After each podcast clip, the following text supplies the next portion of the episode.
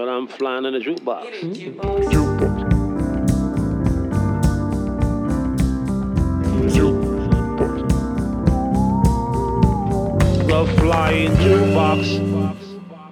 Hej och välkomna till den flygande jukeboxen. En podd av, med och för musikälskare. Mitt namn är Patrik Stanelius och för er som håller räkningen kan jag bekräfta att ja, det här är det tjugonde avsnittet av podden. Jubileum! Därför är det kolossalt roligt att få fira den stora 2 tillsammans med en person vars musik har betytt oerhört mycket för mig. När jag först hörde 1900 för många år sedan uppstod väldigt många frågor. Hur kan det låta så här? När är det ifrån? Och vem eller vilka ligger bakom? Det lät inte som någonting jag hört förut och jag älskade det. Bakom den skevt melodiösa bandsalladen som utgör 1900s musik hittar vi Christian Gabell. Musikalisk mångsysslare, sakletare och producent med fingertoppskänsla i Studio Cobra i Stockholm. Förutom nostalgiska minisymfonier gör Christian också grym syntmusik under eget namn och Italo-sväng i duon Musicbox och mycket annat. Han spelar ju faktiskt trummor i Bob Hund också, men det pratar vi inte så mycket om. Däremot pratar vi om faktumet att det just nu går att se Christian Gabell och hans Bob Hund-kollegor i föreställningen Bob Hund musikal som visas på Helsingborgs stadsteater i höst. Och det här sker alltså trots att Christian sedan tidigare officiellt har tagit ställning som musikalernas fiende. Men det får han berätta om själv. Nog från mig nu. Jag tycker att vi tar och lyssnar på ett extra långt jubileumsavsnitt. Christian Gabell, stort tack för att du eh, slår upp dörren till, eh, ja, jag kallar den för mytomspunnen, eh, Cobra-studion någonstans i Stockholm. Det här är alltså en plats där mycket saker som jag tycker om har antingen skapats eller avslutats Ja. eller förädlats eller förstörts Ja. beroende på vem man frågar. Ja, Så jättekul att få komma hit och ja träffa men dig. eh, tack för den introduktionen. Det känns kul att ha det här. Jag hörde dig i ett annat samtal påbörja en väldigt, i mina öron, intressant, eh, vad ska man säga, väg in i någonting som, som blev ganska bryskt avbruten eller inte upplockad. Och det var eh, att i ett samtal som jag lyssnade på där du var involverad så sa du Jag har ju jobbat i en kyrka. Mm. Och sen så blev det återvändsgränd. Ja. Jag tänker, för oss som ville höra mer, Jag ska berätta om det här. berätta. Ja. Jo, eh, jag, när jag flyttade till Stockholm så var jag luspank och hade inget sådär att, göra riktigt. Och, eller jag, jag hade lite grejer att göra men eh, man försökte få igång någon, någonting sådär med musik liksom men hade ingen ingång i någonting. Och då började jag eh, jobba på posten lite extra. Och det var så fruktansvärt stressigt att hålla på där. Det var som allt ska gå snabbt och man skulle springa omkring i trappor och sådär. Och så kände det, det, ja, det var inte tillräckligt med timmar heller så jag behövde liksom någonting mer och jag, jag var så stressad av det där jobbet så att jag, jag bara satt och tänkte vart kan jag jobba någonstans där det är liksom lugnt. Man kan sitta och ta det lugnt. Och då kom jag att tänka på, ja men en kyrka, det, det vore väl mäktigt liksom. Så jag ringde runt, eller jag ringde inte ens runt utan jag tänkte sitta och ringa runt till kyrkor så ringde jag till Sankt Görans kyrka och så sa de ja vi behöver en vaktmästare här så du kan ju komma hit. Och så jobbade jag där. Ja men det var ganska bra jobb måste jag säga. För att man fick tillgång till då instrumenten för de har ju alltså ofta ganska mycket instrument i kyrkor liksom framförallt då en kyrkorgel, eller två hade de där. Så att eh, där satt jag faktiskt eh, och gjorde de första 1900-inspelningarna Okej. i, i den kyrkan där. Så jag gjorde pålägg med kyrkorgel, jag satt och spelade in piano där. Det var där det började brinna en bandspelare när jag höll på liksom. Så jag kunde ha bränt ner hela Sankt Görans kyrka om jag hade haft osis. Men det gick bra. Och framförallt så hade man såna här eh, Alltså det var väldigt speciella musikupplevelser där. Alltså många är ju helt horribla liksom när de tar in någon släkting som ska spela gitarr och sjunga så här frikyrkligt på något dop liksom. Det var så här skitjobbigt. Men jag, jag, för jag, jag var- ju också ljudtekniker. Jag skulle sitta med och höja och sänka prästens mygga och liksom ge dem mickar och sådär. Men ibland för att det var ju så här man satt där vid någon gudstjänst kanske eller någon begravning en lördag och man var liksom li- lite så här bakis och sårig liksom. Så kunde man bara ha sådana här upplevelser som gick liksom rakt in för att det var man var, alltså garden var helt sänkt liksom. För ibland det, det var sådana här enorma saker liksom. Det kunde vara barn som stod och sjöng i kör sådär som man bara kände att det här är det vackraste jag har hört. Och bland, bland det finaste jag varit med om faktiskt var en begravning. Det var en, en gammal man som hade spelat i en blåsorkester. Och den orkestern kom dit för att hylla honom. Och de, de, jag satt liksom längst bak i kyrkan och de, de ställde upp liksom på någon sorts balkong som var rakt ovanför så jag såg dem inte liksom. Utan där satt hela orkestern. Och så spelade de ett stycke då för sin döde kamrat där så här på eh, någon fin melodi på blås liksom. Och så slutade de spela så trodde jag de, nu, nu är de klara. Men så börjar de liksom sjunga samma melodi. Alla de här gamla männen som, och det lät så, ja, det lät så fantastiskt så jag, jag bara satt och, och hulkade där bak. Det var, det var helt enormt verkligen. Och jag försökte faktiskt få tag på dem sen senare för att, att de skulle vara med på 1900-inspelning. Men jag lyckades inte lokalisera dem så jag vet inte vad det var för orkester eller vilka de var liksom. Men det var, ja, det var helt enormt verkligen. Okej. Det känns som att en viss pusselbit faller på plats här men jag vill inte gå händelserna i förväg. Det var ju väldigt intressant det här du berättade. Jag kan nöja mig med att säga så för min del. Alltså, Ja, fantastisk historia. Hur eh, länge var du anställd i kyrkans tjänst? jag jobbar ju till och från där under några år med, eh, men det var ju väldigt länge sedan nu. Alltså, det, men den här studion som vi sitter i nu då, de hade ju såna här gamla mikrofoner och utrustning också som hade legat sedan 60-talet som de inte använde längre. Så jag fick köpa lite saker billigt där. Och det var det första vi, vi hade här. Eh, eh, en, en sångmick vi använde var liksom så här sån liten mick som hade varit i predikstolen sådär eh, först. Så, så det var mycket, mycket sånt, lite stativ och sånt där som man kunde liksom köpa loss därifrån och som gjorde, var de väl som första grunden i studion när vi håller på att bygga den här. Jag kommer inte ihåg eh, Exakt. det, exakt år men det, det, det måste ha varit en 15 år sedan senast. Mm. Du, vi ska färdas lite i eh, tid och rum här. Det blir spännande att höra vad du säger om det här.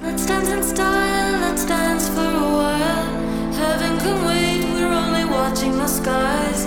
Hoping for the best, but expecting the worst.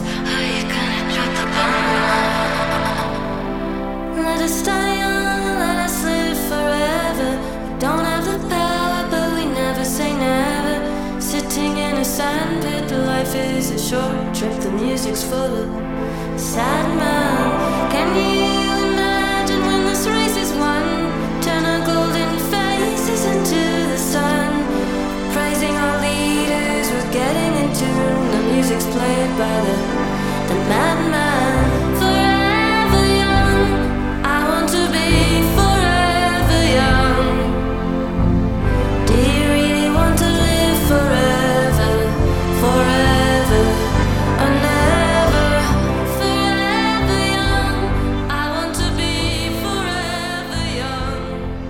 Ja, vem är det som har gett sig i kast med den här? Då?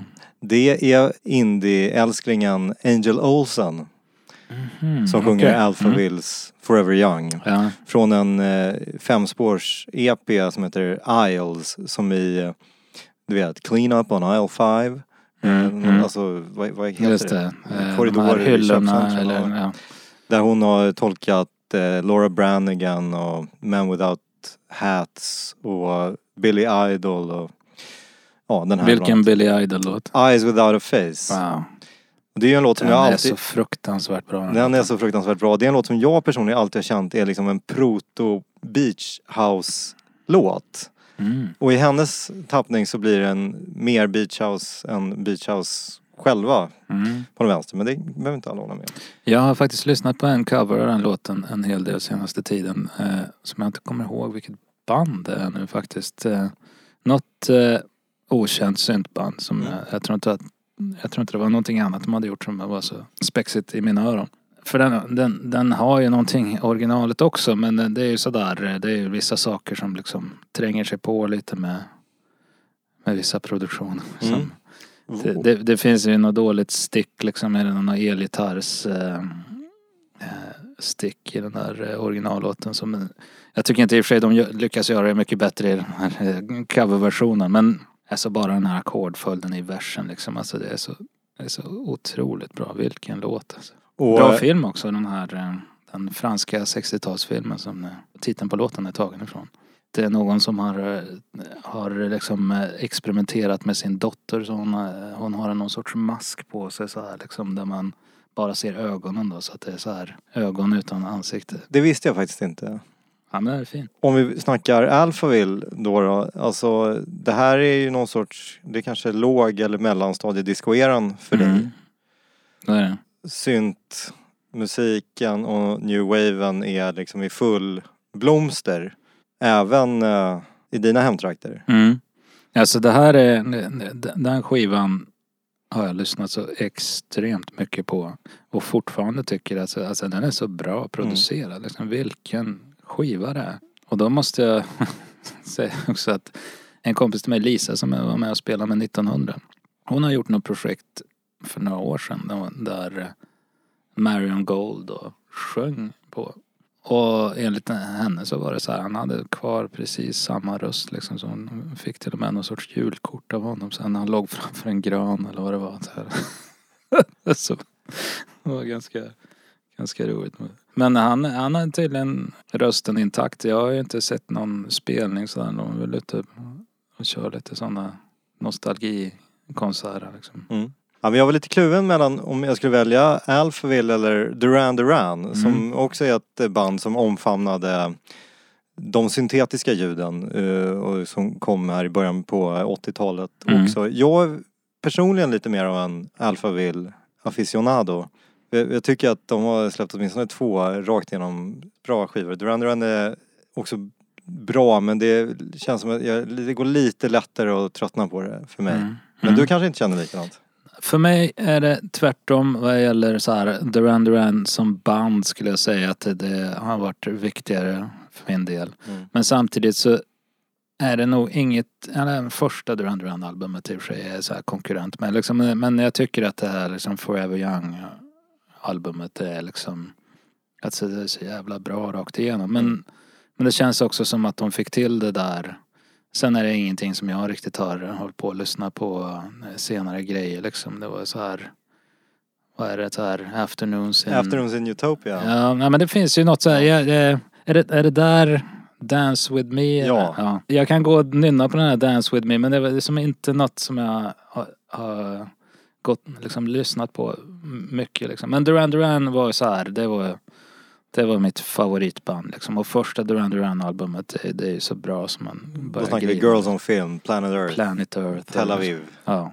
Vem i Duran Durans stil ville du sno? Eller snodde du? Ja, jag tyckte inte Nick Rhodes var liksom den coolaste i bandet liksom. Men jag älskade ju synta liksom. Och jag märker ju att jag, hans, han verkar ju ha varit den som hade liksom ambitioner vad gäller sound och allting sådär. Och jag märker ju att jag, eh, sen när jag började köpa syntar liksom så har jag köpt de syntarna som han använde på de här eh, inspelningarna liksom. För att det har bara påverkat mitt ljudideal så mycket liksom. Okej. Så att det, han så här retroaktivt så, men jag tyckte nog kanske så här John Taylor var tuffare liksom. Om man går in på Duran Durans hemsida så finns det en bloggpost från 2015 som heter 10 Wild Facts about Duran Duran. Mm. Har du läst dem? Nej, det har jag inte. Jag minns inte alla i huvudet men jag vet att fakta nummer tre eller fyra var att eh, de 1985 släppte brädspelet Arena. Som är döpt, eh, som har samma titel som eh, deras livealbum. Mm. Det är alltså ett brädspel som går ut på att man ska samla idolkort och Duran Duran-medlemmar och gå i mål med, med flest poäng. Så Mm. det verkar lite liksom rudimentärt i sin struktur men säkert en toppengrej för alla fans. Jag skulle också, liksom, utan att avslöja vad som står på hyllorna här så tror jag att det skulle funka utmärkt Mm. eh, i er memorabilia Det, ska, samling. det ska jag kolla upp. Mm. Definitivt alltså. Nu, nu är vi lite, eh, och det är ju mitt fel som är programledare här, det blir lite sladdrigt här med discipliner som jag spelar en Alphaville-låt för dig men tonvikten av snacket eh, handlar om Duran Duran. Men det, det handlar ju liksom om att fånga ditt sinne under en, under en tidsperiod här. Så jag, Mm. jag, jag tycker att det här, det här crosstalket som, om man får använda en musikterm, eh, funkar jättebra. Mm. Då så för att knyta ihop den här säcken, eh, vi lyssnade ju som sagt på Alphaville, eh, Forever Young i en coverversion av Angel Olsen. Vad tyckte du om Angels insats? Jag tyckte det var sådär faktiskt. Mm. Det, ja, det är inte för att jag är konservativ så här. Jag tycker att det, folk kan göra bättre. Men det var inte, jag föll inte riktigt av Mm. stolen. Det var lite för suddigt. Yes, we do. Uh, time, space. What is that like? Just how we live and went in the hip life. Roll with hot buttered soul. From 125 right down to Ludlow. The juice, the cup, the token fair is up. The ancestors' peace with his daughters of the dust. We just freaks, aqua funky beats. Then into the streets through the boxes and the jeeps. Ja, det här är bra alltså. Different time, different space. Uh oh, planet Earth, we brought the mad bass. Jag tycker att du får äran att ava den här låten även fast det inte är musik som du har skapat själv. Mm. Men Det här var Diggable Planets. Eh, från, det måste ju vara första albumet det här. Eh, jag kommer inte ihåg vad den här låten heter faktiskt. Eh, jag har faktiskt hållit på och letat efter de här skivorna. Jag tänkte att jag skulle skaffa dem på vinyl för att jag har nog bara CD-skivor som ligger någonstans på vinden. Eh, så att jag har faktiskt inte lyssnat på det här på ganska många år nu. Men vad är det? Jag ska, jag A refutation of time and space eller någonting sånt där är väl... Time and Space, Time. parentes, A New Refutation of. Från Ja. albumet Reaching, A New Refutation of Time and Space. För att hålla det Så enkelt. jag, jag, jag var någonstans Ja. i, i rätt område. Jag har däremot var för några år sedan och kollade på ett band som heter Shabazz Palaces. Som är då vad han nu heter och en, en till snubbe som har som ett experimentellt hiphop-projekt som var skitbra liksom. Alltså jag var verkligen så här. Jag gick dit och tänkte ja men det här kan vara kul att kolla in liksom. Men det var superbra. Och så har jag hittat att han har gjort någonting ganska nya. Två, tre år sedan som heter Knife Nights också. Som var så här. Fan, varför har man inte, och som har så här på Spotify så är det liksom ingen som lyssnar på det. Jag, jag bara såg en bild på den som såg den som, som bästa promobild jag sett liksom. Och även den här Shabazz Palaces. Jag la ut häromdagen liksom en bild från när de släppte första albumet. När han står och har två stycken stor, gigantiska boa constrictors liksom i kedjor. Som är så här bara den bästa bilden någonsin för att göra reklam för en skiva. Men så han, han har verkligen bara fortsatt att göra skitmäktiga grejer. Och nu har jag sett några bilder på att de har liksom återförenats också. Ska, eller de kanske ska göra så här 20-30 års eh, jubileumsspelningar eller vad det kan vara. Liksom. Just det, för att det här är, det här albumet släpptes 93. Mm. Så att det... Det är väl 30 års jubileum. Ja, så det är stundande. Mm. Ja, men jag spelade i ett band på 90-talet. Då gjorde vi en cover på eh, Cool Like That. I Mindjive? Ja, precis. Den är jag är glad att den inte är inspelad. Den var nog ingen vidare. Men det var ändå vårt sätt att försöka. Vi behöver inte dröja oss kvar i det där om, om du inte vill gå och knalla ner längs de minnesalléerna. Men jag tycker att, jag, lyssnade, för jag snurrade igång Mindjive eh, inför vårt möte och det hade liksom, på den tiden, jag var inte svingammal men det hade ju helt gått mig förbi att det fanns ett svenskt vitt Rage Against the Machine. Mm. I princip. Med lite så här, sabotage. Eh, Ja, vi, vi, vi lyssnar nu egentligen mer på Beastie Boys sådär. Men det blir ju liksom någon sorts Åsa-Nisse-variant av Rage Against the Machine liksom. Eh, Men alltså det, det var så här, det, man, vi försökte ju och vi ville massa saker liksom. Så att jag, jag, ska inte sitta och lyssna på den och jag rekommenderar inte någon att göra det liksom. Men jag tycker det är lite gulligt hur, hur mycket vi försökte liksom. Och det, det är så här, man, man hörde Beastie Boys eller va- varför inte Diggable Planet sådär och så liksom, du vet man fattade inte riktigt det här med hur samplingar funkade eller hur man skulle göra någonting så här. Vi, vi liksom hade bara våra instrument så där så vi försökte liksom spela den typen av musik och liksom adderade skivknaster ovanpå för att Mm. det skulle låta som att det var vi, vi, ja, vi gjorde vad vi kunde utifrån eh, vad vi De kunde förutsättningarna. Ja. Men eh, när jag sa att jag skulle träffa dig till en vän så skickade han faktiskt en eh, bild från eh, Det måste ha varit mitten på 90-talet eller sent 90-tal när han står med bas på, eh, hängande på magen, mössa på huvudet och Mind Jive-tröja. Mm. Så att, Ja. och, och eh, då på den tiden så eh, bodde han i Skellefteå, förlåt mig Linus om inte det stämmer, men någonstans norr om Gävle i alla fall. Mm. Så att eh, det var ändå musik som färdades. Ja. Jo men vi, vi släppte ju eh, liksom skivor på ett bolag eh, som hette Burning Heart.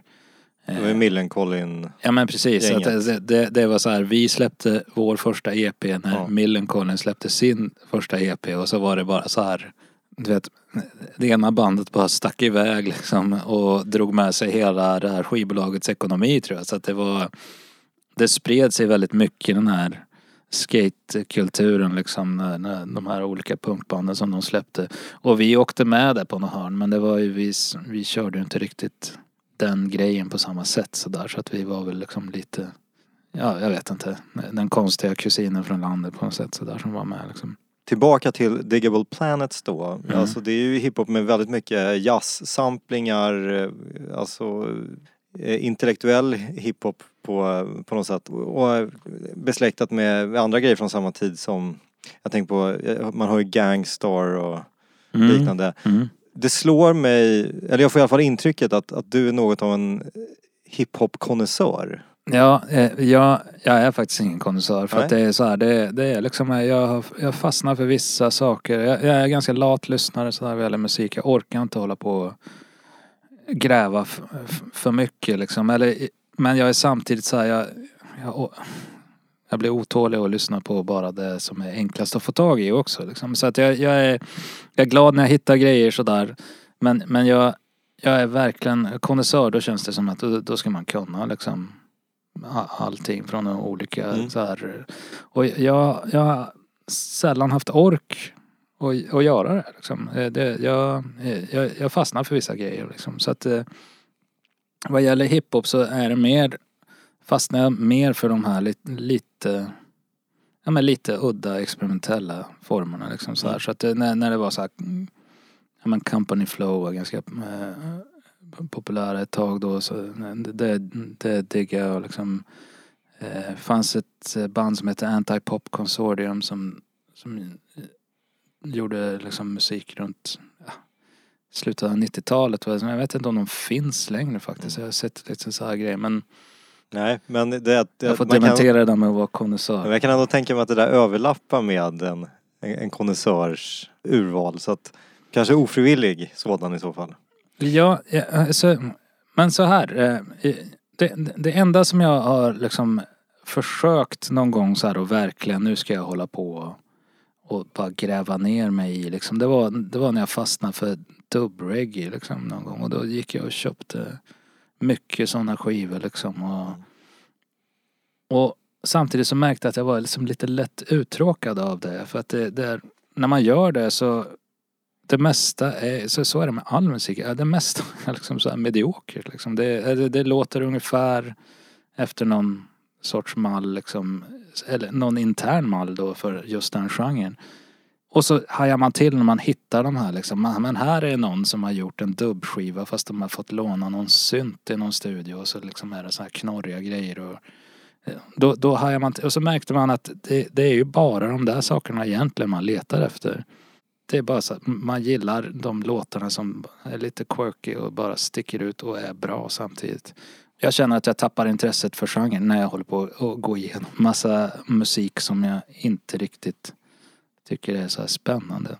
Jag förstår precis vad du menar. Just det här att det är mer en, en känsla som, som kan fånga en och, och det spelar ingen roll om det är liksom ett instrument i en låt av en artist man annars inte är så intresserad av. Men just att så här, okej det är det här som är grejen, inte nödvändigtvis hela kulturen eller kontexten den kommer ifrån utan Nej, men också att i en enda låt så ryms hela den där kulturen på något sätt. Så att det känns som att jag, ja, jag, kan, jag kan lyssna på så här 82 låtar som är ungefär nästan lika bra liksom. Men det är bara i slutändan så är det där man vill man vill åt på något sätt liksom. Det här man, just den här den här grep tag för att det är, där är det någonting de har bara fått till på just det här, eh, liksom det här soundet eller den här låten eller bara vad det nu är liksom.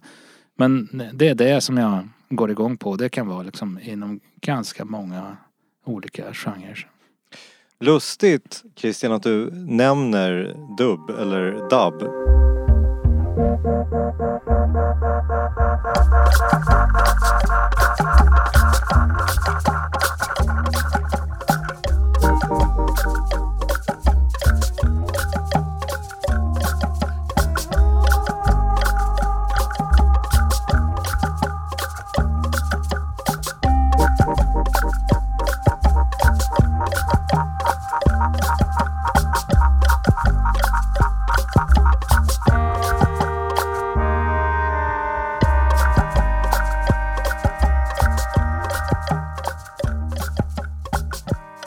Hörde låten Dub av en eh, producent som heter Elijah Minelli.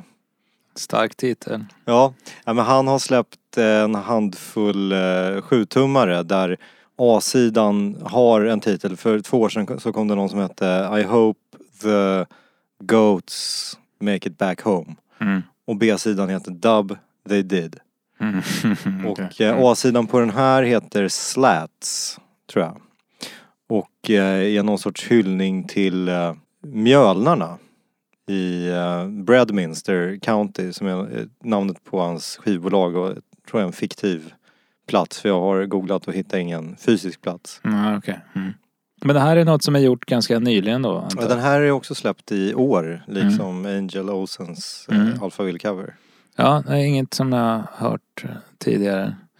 Det finns ju liksom någonting med dubb som bara är ögonblickligen tilltalande. Alltså, det är så här, man gillar eko. Och det, det är så här, det, det går på någonting eh, direkt som tilltalar en men det är också ju ganska lättköpt på något sätt. Mm. Eh, så jag, jag hade ju ett litet dubb-reggae-projekt med några kompisar för många år sedan. Liksom. Och det, det var ju så här, vi var bara kära i det där och sitta och skruva och, på ett bandeko och liksom. Kanzion, eller hur uttalade Precis. ni det? Nej, det uttalades nog så av oss i alla fall. Men det var ju verkligen hopplöst namn att lägga sig till med liksom. Man fick alla möjliga så här, Va? Cancer? Va? Vad är det för något?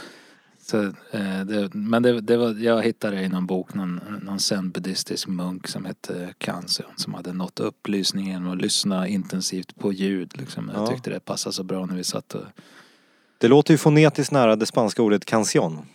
Lå- Sång. Ja, okej. Ja, det var mer än jag visste. Men där ser man. Det fanns ju någonting mer att addera till den. För att ge tyngd åt det där namnet. Men det var inget bra namn bara. Det, Men det här är ju någonting som ni eh, Turnera kanske är ett för starkt ord men jag vet att ni gjorde spelningar under Canzion-parollen. jag tycker turnera är ett för starkt Jag, ord. jag, alltså. jag, har inga, jag har inga tecken men jag, jag gick tillbaka i... eh, Ja men vi gjorde en liten, liten turné faktiskt. Okej, men men då- det var säkert fyra, fem spelningar. Ja men det är en turné.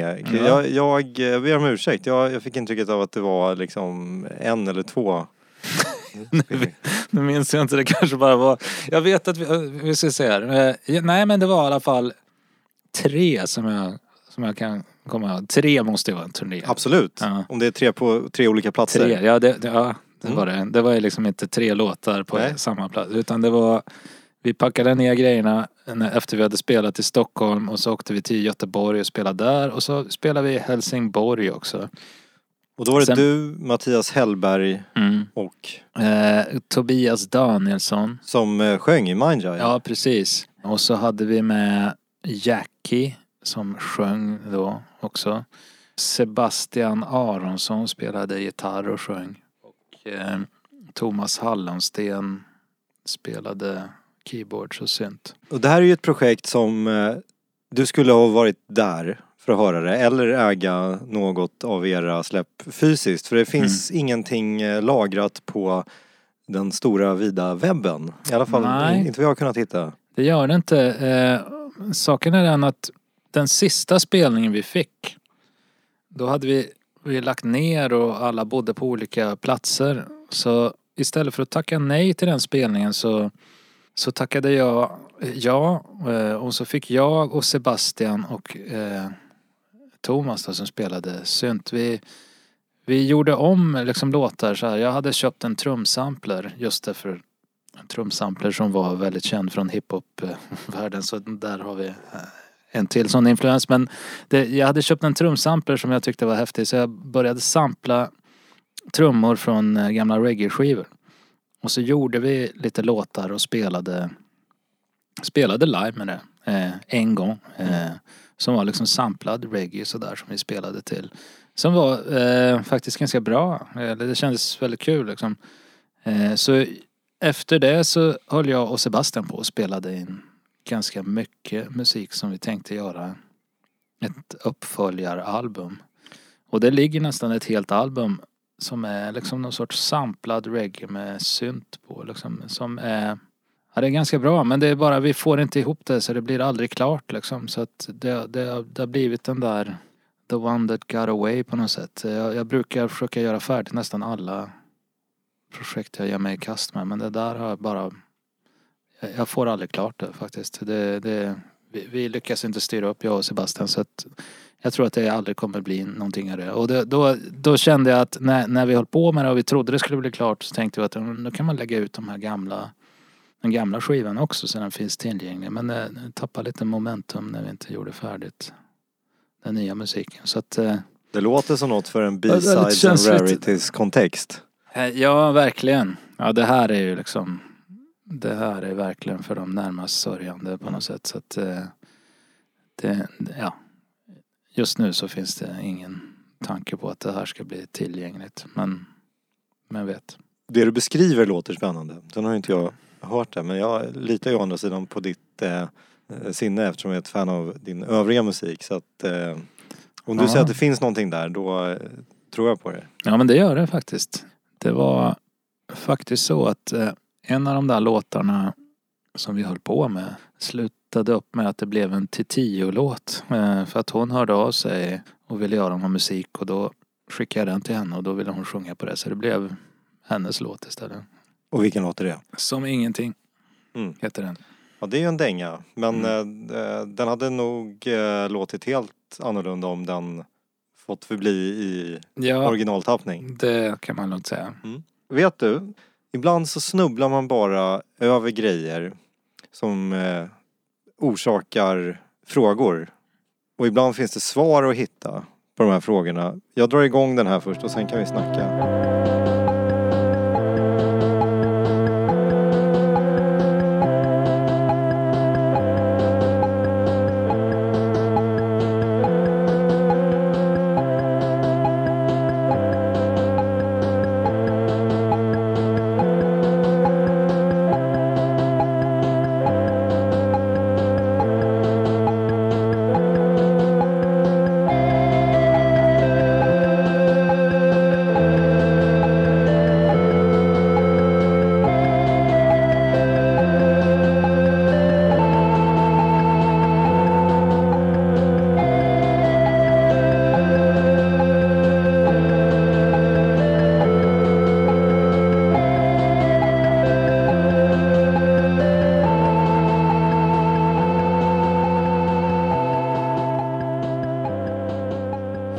Här är ett projekt där både upphovspersonerna och eh, resultatet, alltså det vi lyssnar på, kallas för förryckta maskiner. Och eh, vi hörde ett eh, litet utsnitt ur, ett mycket läng- ur en mycket längre komposition Okej. Mm. som innehåller bland annat radioskval från AM-bandet och någon fest och spårvagnar någonstans ute i Europa. Plus de här trummaskinerna och lo- syntarna och allt är ganska lo-fi Mm. ihop Mm.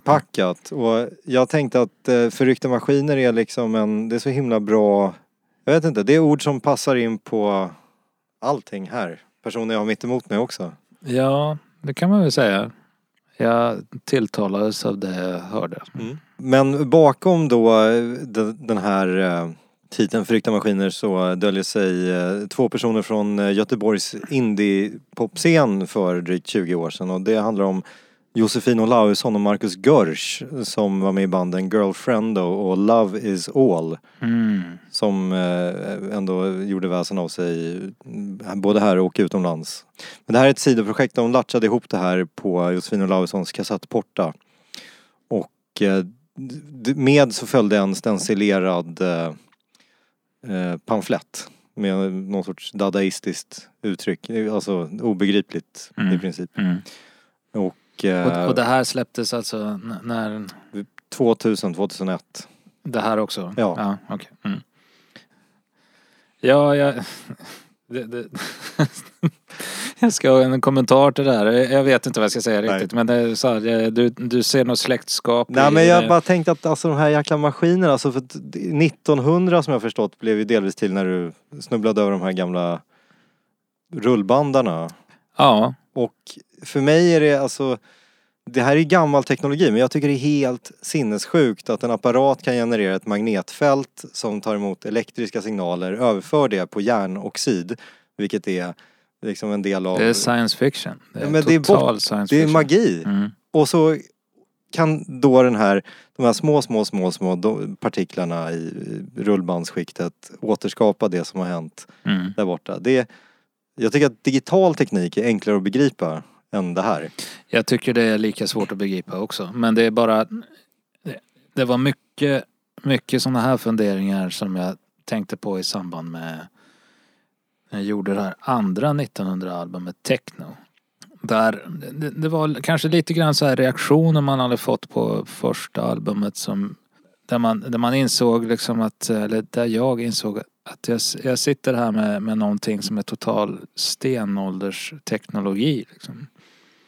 Och ändå så är det mer avancerat än någonting jag skulle liksom fixa och förklara för någon eller bygga eller någonting. Liksom att det är så här, teknologi har blivit så här så gammalt så att det är nästan organiskt på, på något sätt. Och, och, och det var också sådana funderingar kring det här med att i, i, som det här vi lyssnade på eller när jag har hållit på att spela in med kassettport eller eh, gamla Tandbergbandspelare att eh, närvaron av maskinen i det här är något som man som uppfattas nästan som något organiskt. Tycker jag. Liksom att det här bruset som man hör och att det, det, det, det svajar och det är liksom, det känns levande på något sätt. Men i, i själva verket så är det är ju att man hör mer av maskin än man hör om man skulle lyssna på Spotify på en, en ny låt som har spelats in digitalt där man inte man, man hör inte att teknologin har liksom satt eh, spår sådär som inte var tänkta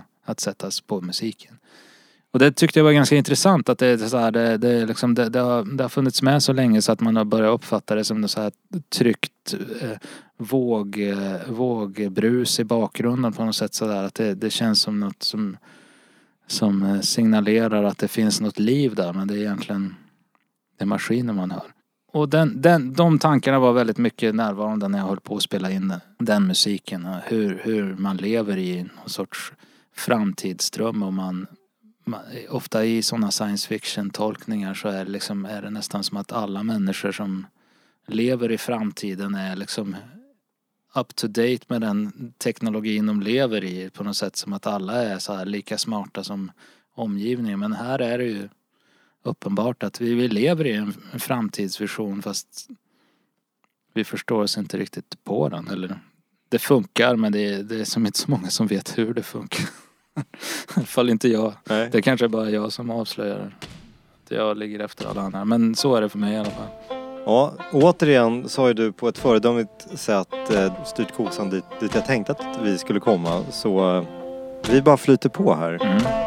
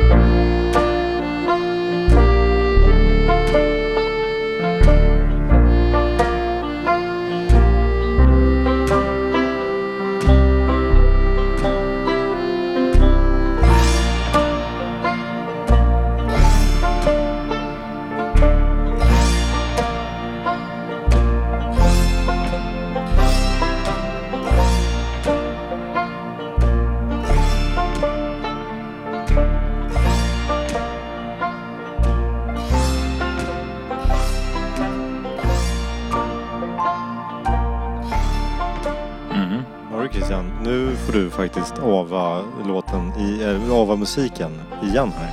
Ja, det där var Träkors framförd live på Orionteatern. Någon gång.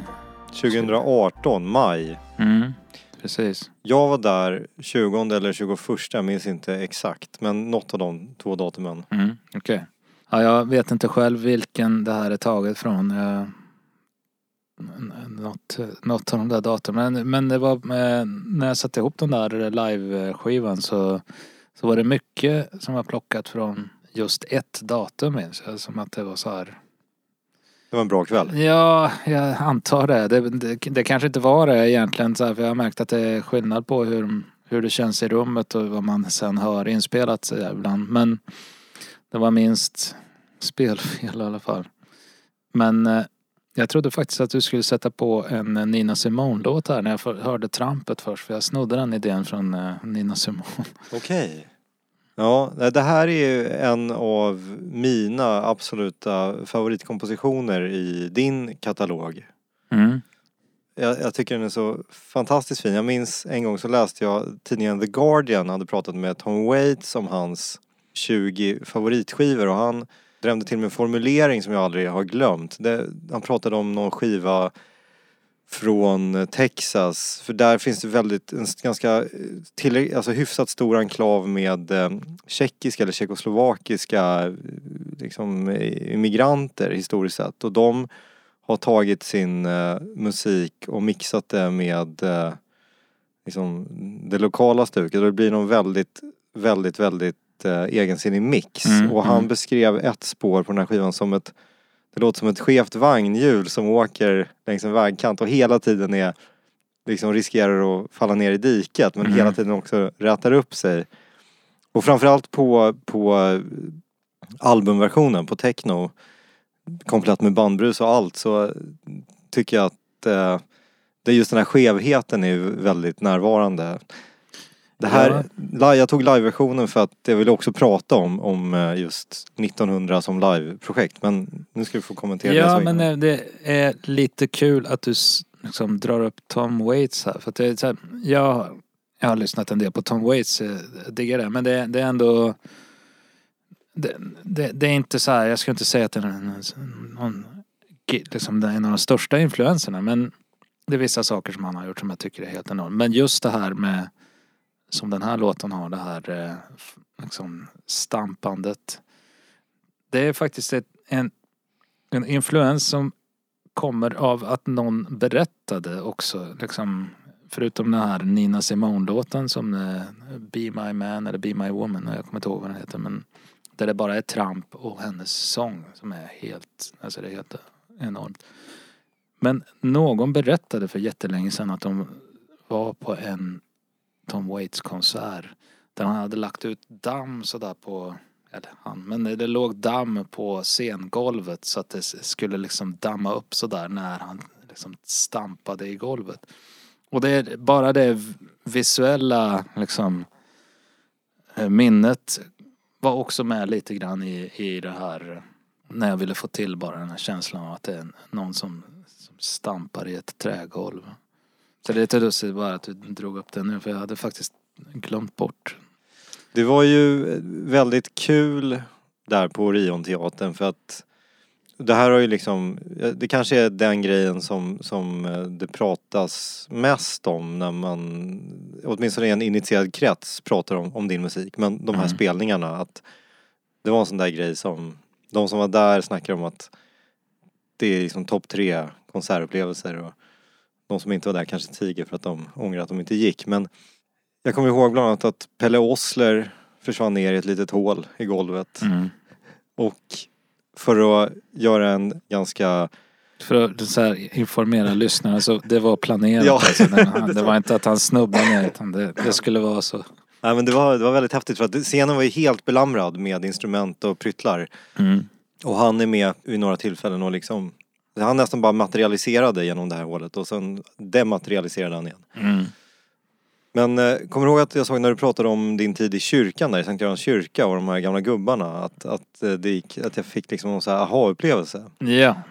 Jag vet inte, du kanske är f- ana vart jag är på väg. Jag anar precis vart du är på väg. Ja, då, eh, bara för att eh, loopa in alla andra, när eh, låten Den minsta av segrar ska spelas så Mm. kliver in, var de fyra, var de fem? Fyra stycken. Fyra stycken åldrade blåsare i eh, Ja, det känns som att det var någon så här alputstyrsel men det, det kanske, jag är helt fel ute i den Mm, nej, beskrivningen. nej det, de hade så här plommonstop och skjorta och väst och slips. Och gummistövlar på sig för de gick Ja. i vatten. Men jag har korta byxor för mitt inre öga, det kanske inte... Nej, Nej. det är nog de här stövlarna som Ja. gav den känslan alltså. Lite Okej. så. Eh, det, det hade de inte. Så det var inget kinky så på något sätt. Nej, det, var så här, det, var helt normala långbyxor. Och de Men- blåser. De, de spelade blås. var inte bara på minsta av serien. Det är Nej. fyra låtar. Och det är också på den låten som heter Vi som är då någon sorts manskör som hummar. Så Just det. Och den är inte med på album, alltså live albumversionen utan det var för oss som var där. Ja, precis. Jag hade tänkt att man, den skulle vara med men jag, jag tyckte inte det riktigt... Det, de inspelningarna, jag, jag tyckte inte att jag fick några känslor av, av det då när jag lyssnade på det så att jag prioriterade några andra låtar. Men det, det, det kommer naturligtvis från det här minnet av en blåsorkester av, av, och av gamla män som också nynnar liksom. Som jag ville få till på något sätt. Och när jag hade Det är alltså inte så att Christian har svårt att prata om det här på grund av känslomässiga skäl utan det är kvällens dryck som ger blir sig så till känna. rörd. Ja. Jo, men när första gången jag träffade, jag hade ett, ett möte med eh, en scenograf och en, vad ska man säga, videomakare då som skulle göra det här visuella eh, till konserten. Då sågs vi på en bar och snackade lite och då, då sa jag det här att jag, jag, jag skulle vilja få till en blåsorkester som består av liksom pensionärer liksom. Eh, och att både sånginsatserna och blåsinsatserna ska låta lite så som att det här är inte en 25-årings lungkapacitet som ligger bakom. Och vi, vi snackade om lite olika delar och när jag gick därifrån då så gick jag förbi en bar där det brukar vara så här lite jazzband som spelar. Och när jag tittade in eh, så här rakt in i baren där så såg jag liksom tre gamla gubbar som stod liksom med plommonstop, skjorta, slips och, och väst med blåsinstrument där och tog en öl vid baren. Och jag bara gick in direkt så här och frågade så här Får man anlita er till en spelning? Och då, eh, det, det, de, det, tydligen finns det liksom massa sådana här eh, olika konstellationer då bland pensionärer. De spelar så här jazzband på fritiden. Eller de har väl kanske bara fritid men du fattar vad jag menar. Att det, eh, så att jag fick något nummer så jag fick gå och talangscouta på, på liksom ett servicehus där det var en konsert en så här lördag klockan ett. Där jag satt och tittade på dem liksom och sen så gick jag och snackade med någon av dem och fick, ja, fick med dem på den här idén helt enkelt. Eh, så vi repade liksom på ett annat äldreboende sådär med, jag satt med piano liksom och, och, och skulle få det här att att fun- funka liksom och det, det blev precis som jag hade hoppats liksom. Jag ville inte ha liksom några stabila liksom ja, underhållningsprogram blåsektion liksom utan så här verkligen att det, det är Lite någon som, skört. Ja men någon som försöker eh, verkligen så här helhjärtat men som inte riktigt når hela vägen ut kanske sådär.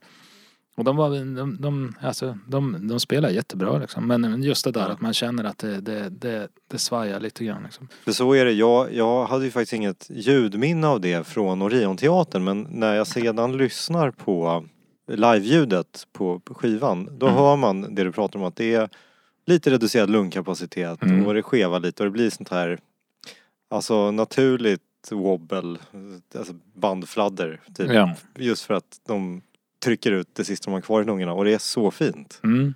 Ja men det, det, jag är väldigt glad för det. Men det var ju, det var inte lätt med hela den här uppsättningen sen när man skulle börja flytta det någon annanstans liksom. Och det, det var ju en turné planerad till mars eh, 2020.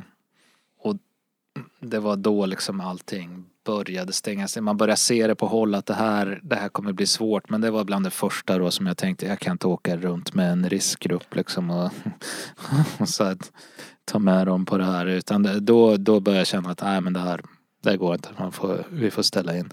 Så vi ställde in i förtid. Men sen exakt samma datum som skulle ha varit turnéstart. Det var då de förde in den här regeln med att det får inte vara mer än jag kommer inte ihåg vad det var 10 eller 50 pers då liksom, men det var Det hade inte gått ändå Nej. helt enkelt.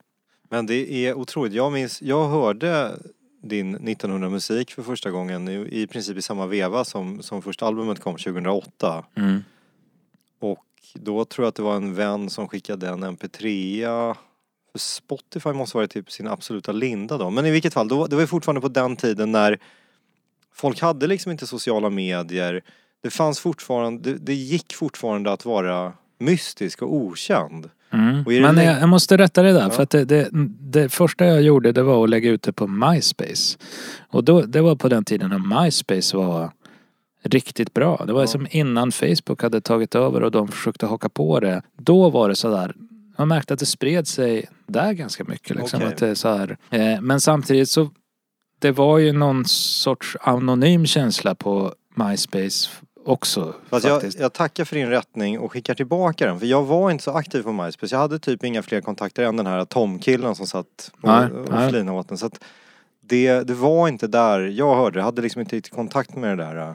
Nej, jag trodde du skulle liksom spinna iväg på någon att det var svårare att nå ut då. Nej, Liksom, absolut inte. nej. Utan för mig som satt eh, och så var det bara jag, jag var så nyfiken på vem som gjort det här, när det var gjort, var det var. Alltså var Mm. det från, för det, det, det är något spår med Internationalen och jag bara Just. tänkte så här, liksom, vad är det för galenpanna?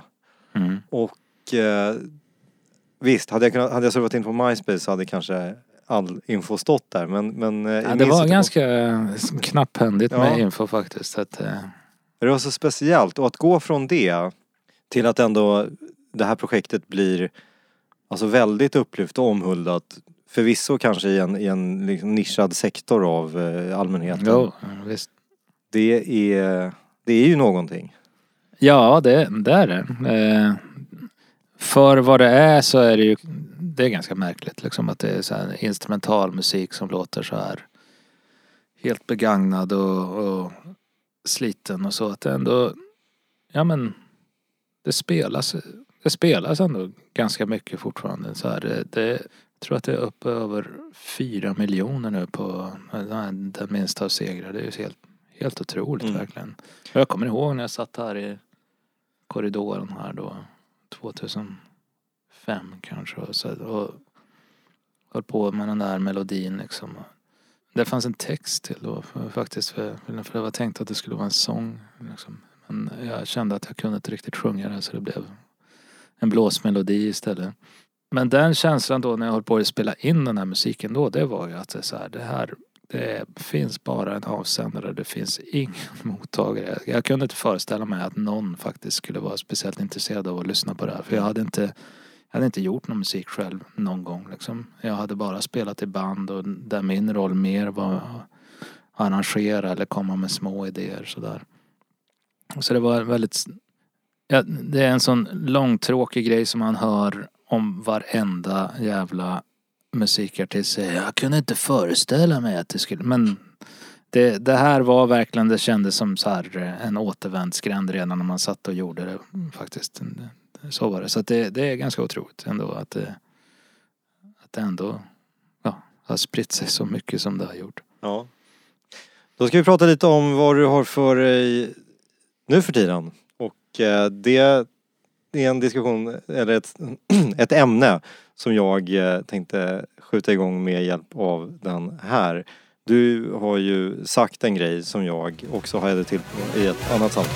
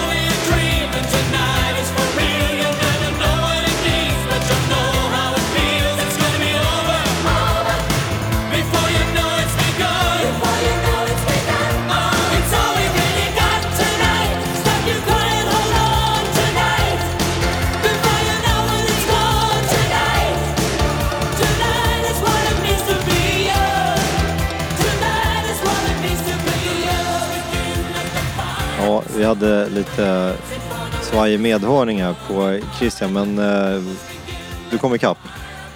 Jag kom ikapp. Ja. Men det är, ett, det är ett, ett mystiskt fel som jag inte riktigt förstår hur det kan ens äga rum. Men det finns en liten anekdot om det också som...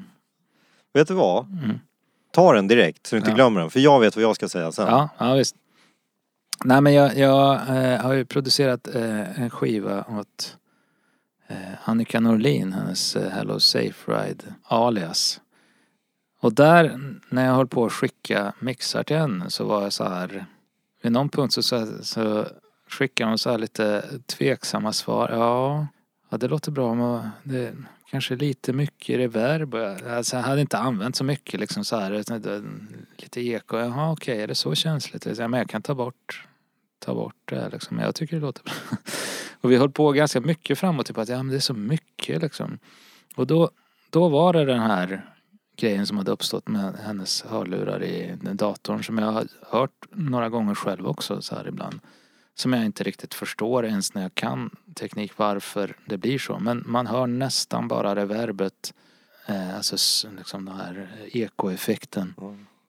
Och musiken ganska långt bort liksom. Oj, men det där kan ju vara potentiellt förödande för en eh, Ja det var, det karriär. var tur att jag hade varit med om det själv så att jag började tänka men det kanske är det. För annars så jag förstår inte hur någon kan vara så känslig för, för ekoeffekt liksom. Det var, Ja, men det ska vara torrt, torrt, torrt. Ja, det ja men precis. Men vissa kan ju vara helt sådär bara med sin egen röst eller någonting. Men, men det var, vi kom i alla fall fram till det att det var, det var något som var fel på hennes hörlurar. Åh fan. Mm. Det vi lyssnade på Mm. var Fire Incorporated, ett eh, sammansatt eh, musikkollektiv som gjorde låten Tonight is what it means to be young. Mm. Som är en del av eh, rockoperan eller rockmusikalen Streets of Fire. En film Mm, av eh, Walter Hill från 1984. Just det. Och i filmen så är det Diane Lanes rollfigur som sjunger den här men i verkligheten så är det en tjej som heter Holly Sherman som sjunger den tillsammans med Jim Steinman, Okej. låtens eh, kompositör och producent. Och det kan man ju höra att det är en Steinman-dänga. Mm. Men filmen, jag har för mig att jag kollade på den för några år sedan igen. Den var inte så bra. Nej, den är tyvärr Nej. inte särskilt bra, vilket Mm. är jättesynd för att den, eh, tanken var liksom att den skulle blanda, ja men typ West Side Story med The Warriors. Mm. Och var någon sorts lite så här halvpostapokalyptisk eh, rockhistoria i New Yorks eh, liksom undre värld. Men någon snygg kille med... Michael Paré som, Mm, som just aldrig det. riktigt lyfte för heller. Och Willem Nej. Dafoe i en tidig skurkroll. Precis, jag har en bild sparad i telefonen där för att det var det som fastnade liksom att han hade sin frisyr där liksom och allting men nej, Mm. den är, den blev, men jag kände när jag såg den, den är inte så bra som jag hoppas att den ska vara liksom. Exakt, men för soundtracket är dunder om man är, om man är, om man är lagd åt det hållet. Mm. Men okej, varför spelar den här? Jo, Christian, i, jag lyssnade på en intervju med dig där du sa, och det var bara lite så här, äh, apropå inte jättemycket, men du sa så här, jag gillar inte musikaler. Mm. Och nu befinner du dig mitt uppe i en musikalproduktion Mm. med annalkande premiärdatum. Mm. Det- Berätta. Ja, eh, nu är det ju så att jag är inte ensam om att inte gilla musikaler utan det känns nästan som ett ganska normalläge. Alltså bland folk jag känner i alla fall. Att man, man gillar inte riktigt musikaler. Och då kan jag ändå så här. Jag, du vet, jag växte upp med att morsan lyssnade på Jesus Christ Superstar soundtracket vilket är kanon tycker jag. Liksom. Men till och med, och det här försökte jag förklara för någon då liksom, så till och med när man, jag var liten om man tittar på en Disney-film liksom, så tyckte man ju bara så här, oj nu kommer det här när de ska sjunga av någon jävla anledning. Liksom, så här, det, det här vill man ju bara spola förbi egentligen. Så de kan, alltså det bara kan fortsätta och det som är kul att titta på. Jag har aldrig gillat liksom musik när det använder, det, det här att kliva ur det här liksom att nu står vi här och pratar och så, så ska man liksom Brista ut i sånt. så, alltså det, det, jag är inte så förtjust i det bara. Men nu eh, ska vi göra en eh, Bob Hund-musikal. Jag har påbörjat repetition med det. Och det är väl lite grann... Det känns som en typisk grej för oss eftersom vi helt enkelt... Eh, ja, ingen av oss kände oss tända på den idén och därför känns det som att ja, men då borde man försöka göra det här på något sätt. Liksom. Att det, det hette ganska länge att det var egentligen en te, nej, så, det var en teaterföreställning med musik liksom. Det var som ingen som ville säga rakt ut att ja, det, ja, men det är en musikal, det är det. det är där det är. Men eh, det var bara att acceptera att det är så. Eh, och ja, jag, jag har förlikat, med, förlikat mig med det här att vi ska göra det och det känns ganska kul faktiskt. Hur låter det? Kommer eh, Bob Hund-fans att känna igen musiken eller tar ni ett kliv närmare någon sorts Steven Sondheim-värld? Nej, alltså det, det, det blir inte någon sorts eh, alltså musikalanpassad version sådär. Eh, Det, det, det kanske blir lite teatralt eh, stundtals liksom. Men eh, annars så är det ju det är andra versioner av vissa Bob Hund-låtar, det är ny musik och sådär. och det är- Jag kan inte ge ett rakt svar här faktiskt för att jag, eh, det är fortfarande lite uppe i det blå sådär. Vi har repat en vecka sen har vi som bor i Stockholm en liten paus här nu så ska vi åka ner och fortsätta sen så att Men det är det, alltså det, det är fin musik liksom och sen så ska vi försöka agera lite grann liksom. Ingen av oss är ju skådis sådär men vi Ja, vi ska försöka få ihop det på något sätt. Men eh, svårt att veta vad det blir faktiskt. Vilket känns spännande. Du, eh, vi har nått vägs ände här. Tiden har bara flugit förbi. Mm. Jag ska liksom skicka iväg dig med en sista grej här men jag vill tacka dig Christian återigen jättemycket för gästfriheten och eh, för att eh, jag fick låna dig en afton och snacka. Det har varit någonting som jag sett fram emot väldigt länge.